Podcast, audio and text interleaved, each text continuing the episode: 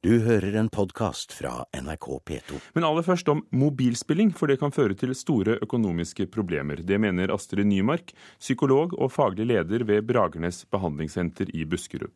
Det siste året har spill og mobil eksplodert, og Nymark frykter at spesielt unge vil få problemer. Og de unge vi traff på gaten, spilte mye og nettopp på mobiltelefonen. Så jeg blir sånn, ikke avhengig, men det spiller mye hvis jeg ikke har noe annet å finne på. Så det, det er jo lett, vil jeg si. Jeg spiller egentlig ikke så mye, men hun blir ganske fortekta, det vet jeg.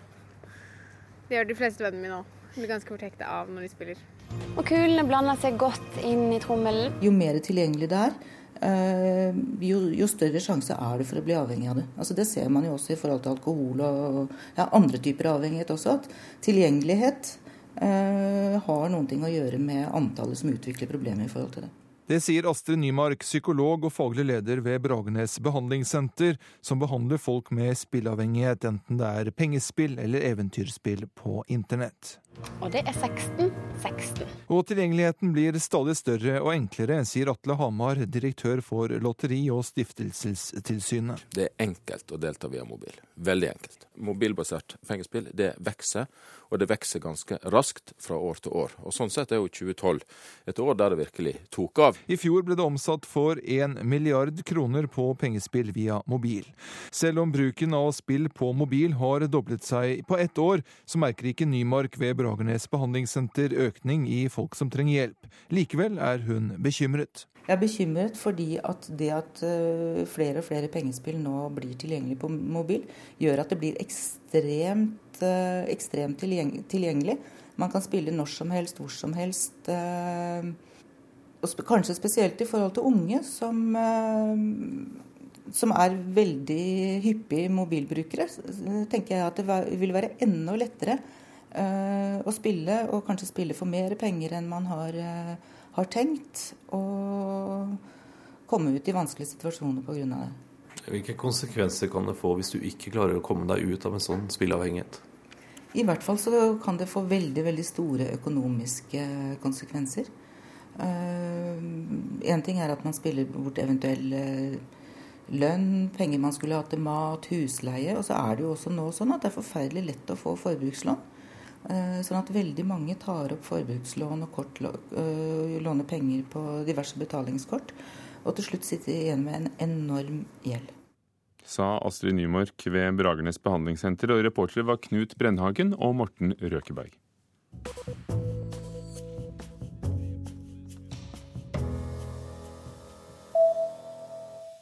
Rock City i Namsos er konkurs om de ikke klarer å skaffe 30 millioner kroner innen én måned. Det sier daglig leder Åsmund Prytz til Dagens Næringsliv. Pop- og rocksenteret gikk 7 eh, millioner kroner i underskudd i fjor. Ordfører Morten Stene i Namsos kommune, som er senterets største eier, håper nå på en statlig redning. Han mener Kulturdepartementet har forpliktet seg til å dekke de 20 millionene senteret kostet, men dette blir kontant avvist av departementet. Medietilsynet mener TV Norge brøt kringkastingsloven da de i slutten av 2011 sendte reklameplakater for bl.a. en skimesse i forkant av programmene 71 grader nord og Sinnasnekkeren. Tilsynet har nå gitt kanalen en formell advarsel, skriver VG. Kommunikasjonsdirektør Svein Tore Bergestuen sier TV Norge vedta, tar vedtaket til etterretning, men understreker at en advarsel er tilsynets svakeste form for sanksjon. Og de tre tenåringsjentene i det første jentebandet fra den indiske delen av Kashmir, Pragash, har bestemt seg for å oppløse bandet. Dette etter at uh, områdets religiøse leder har stemplet musikken deres som uislamsk. Rocketrioen er allerede blitt utsatt for en hatkampanje på internett etter at de vant en musikkonkurranse i desember.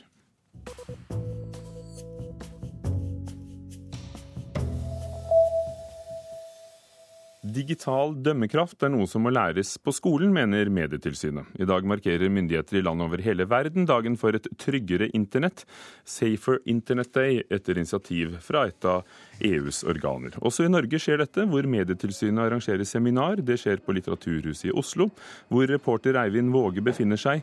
Og Eivind, er digital dømmekraft annerledes enn annen dømmekraft? Ja, man skulle kanskje tro det. Medietilsynet mener i alle fall at eh, tiltak og kampanjer, det må det bli slutt på. I alle fall så skal dette suppleres med at eh, digital dømmekraft må inn i læreplanen. Og en av de som kan dette, Thomas Wold, stipendiat ved NTNU. Sosiale medier og moral på nettet, det er noe du har jobba med. Hva er digital dømmekraft? Digital dømmekraft dreier seg litt om hvordan du navigerer på, eh, på nettet. Litt hvordan du finner fram eh, til det du trenger, hvordan du er i stand til å evaluere hva som er subjektive påstander, hva som er faktaopplysninger. Og også litt hvordan du opptrer eh, overfor andre på nettet. Som en slags skikk og bruk, eh, kan du si. Hva kan skolen bidra med her? Eh, Skolen kan først og fremst bidra ved at de har potensial til å nå alle. Eh, Samt at dette er noe som berører så mange skolefag, eller i hvert fall har potensial til å berøre veldig mange skolefag. fordi eh, elever bruker ofte nettet når de skal søke etter ting som de eh, trenger til skoleoppgaver og sånt. Og, og Da kommer f.eks. det med kildekritikk inn. Det er veldig mange på nettet som har til dels originale versjoner av hvordan verden er skrudd sammen. Og Det er det stort potensial for å ta opp i, ja, eksempel i skoletimene.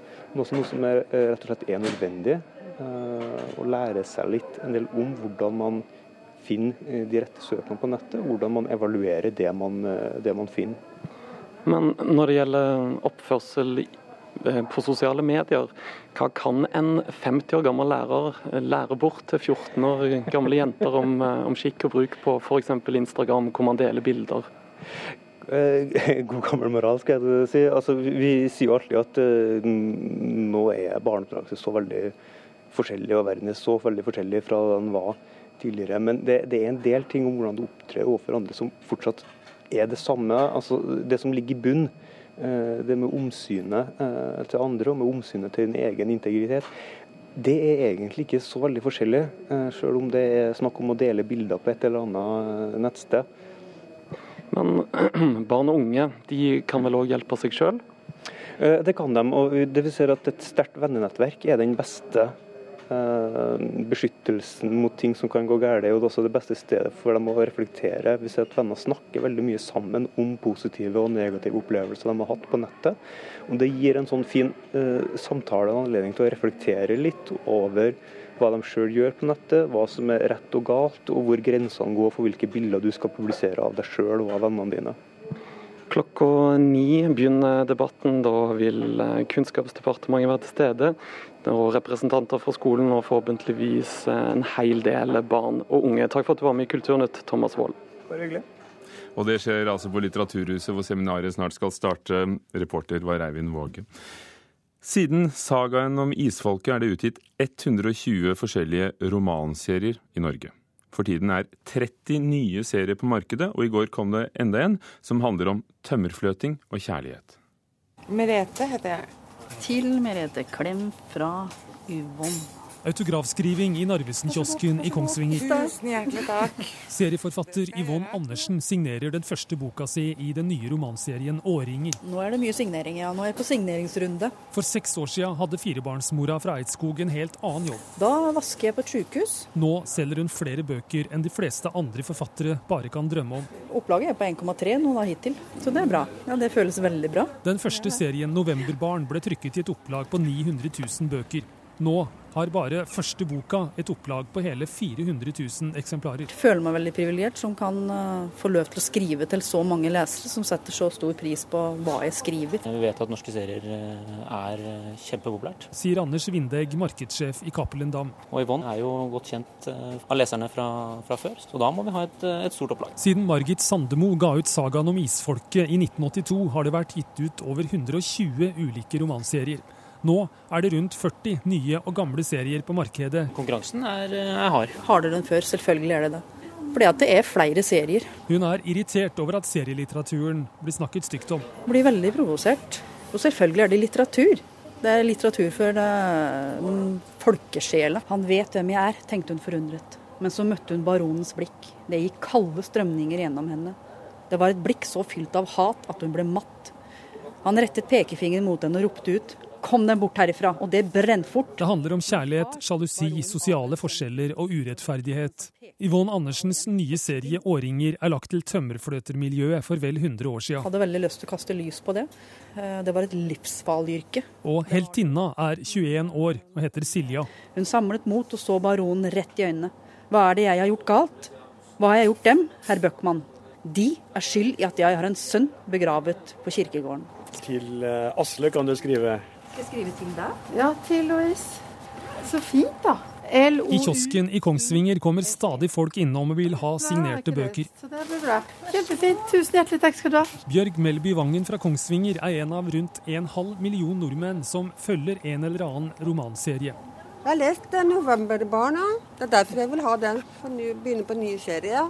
Det er litt om gamle dager og og det liker jeg. Norges mestselgende serieromanforfatter Frid Ingulstads romanserie 'Sønnavind' har så langt rundet fem millioner i opplag. Teller vi antall leste seriesider, er dette den største litteratursjangeren i Norge. Det er kjempeartig. Det er litt rart å komme ut ifra skrivehulua som du har bodd i nå i, i noen år. Jeg tror ikke folk helt skjønner hvor mye jobb som ligger bak eh, en utgivelse av en romanserie.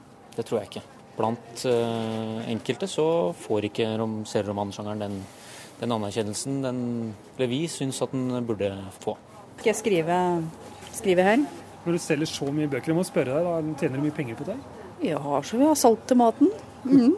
Klem fra Yvonne. I Kongsvinger skal Merete Evertsen hjem og lese sin signerte utgave av Elvekongen. Jeg ser at det står om eh, historie og langt tilbake, og da fenger det meg med en gang. Og reporter på Narvesen-kiosken Stein S. Eide. Krefter i Nord-Norge ønsker et eget design- og arkitektursenter. Ifølge prosjektet Fremtid design og arkitektur i Nord-Norge vil et slikt senter styrke landsdelen. Og på et seminar i Tromsø i går deltok flere med interesse for arkitektur og formgivning for å kartlegge hvordan de kan få laget senteret. Annet var designer Bjørn-Viggo Ottem i Tank Design til stede. Dette senteret kan eh, trigge både privat og næringsliv å bruke fagområdene i sine virker. Og jeg tror det er viktig for at eh, turister og tilreisende også kan finne informasjon om hva beveger seg i de to eh, miljøene. Venner av den marokkanske rapperen Mouad Belgouat, som ble fengslet i juni for å fornærme politiet, hevder at rapperen nå har begynt en sultestreik i protest mot forholdene i fengselet. Fengselet avviser på sin side påstandene. Belgouat er et kjent ansikt under artistnavnet Al-Haked under den arabiske våren. Og i mai i fjor ble han dømt til fengsel for sangen 'Dogs of the State', statens hunder, som tok opp tema politikorrupsjon. Nå til eh, dans på operaen. Yeah, of course there's death in my work. There's death in dance. You know, dance is death. Dance is dying. So I'm constantly looking for this revolutionary outfit that will just change the way I dance. Ballett som tulledokumentar, eller såkalt mockumentary. Teater- og dansekompaniet Winter Guests har eh, premiere på Operaen i Oslo på en forestilling som gjør narr av selve dansen, samtidig som den er en danseforestilling. Og koreograf og forfatter Allan Lucien Øyen, hvor ille kan en tysk koreograf bli? De kan bli ganske De kan være ganske ille. Men ikke bare de tyske. Jeg har vært på, når jeg var danser, så var jeg på kostymeprøver sjøl, hvor koreografen kom inn med saks og begynte å klippe på kostymet for å liksom forbedre. Så de kan være ganske ja, ille. Eh, Du har laget altså en forestilling eh, sammen med andre krefter, som både koreograf og regissør. Er det dans, eller er det teater? Det er et lite kammerspill for en skuespiller og en danser om dansen, da. Med mye humor, men også litt dramatikk. Laget med, med ganske stor kjærlighet til dansen og det miljøet som vi, vi kjenner godt til, da. Er, ja. For du har selv vært danser på Carte Blanche. Ja. Du har eh, vært koreograf også for Carte Blanche. Mm. Og her, i, i denne forestillingen, så handler det altså om han vi hørte her, Dieter Geier, mm. tysk koreograf, eh, og hans elsker og førstedanser Augusto Garcia. Eh, Det verste er at på de små klippene Den Norske Opera har lagt ut, eh, dette har også vært vist på Oktoberdans i, i Bergen for et par år siden, og i Hamburg og i London, så er det faktisk lett å tro at dette er sant.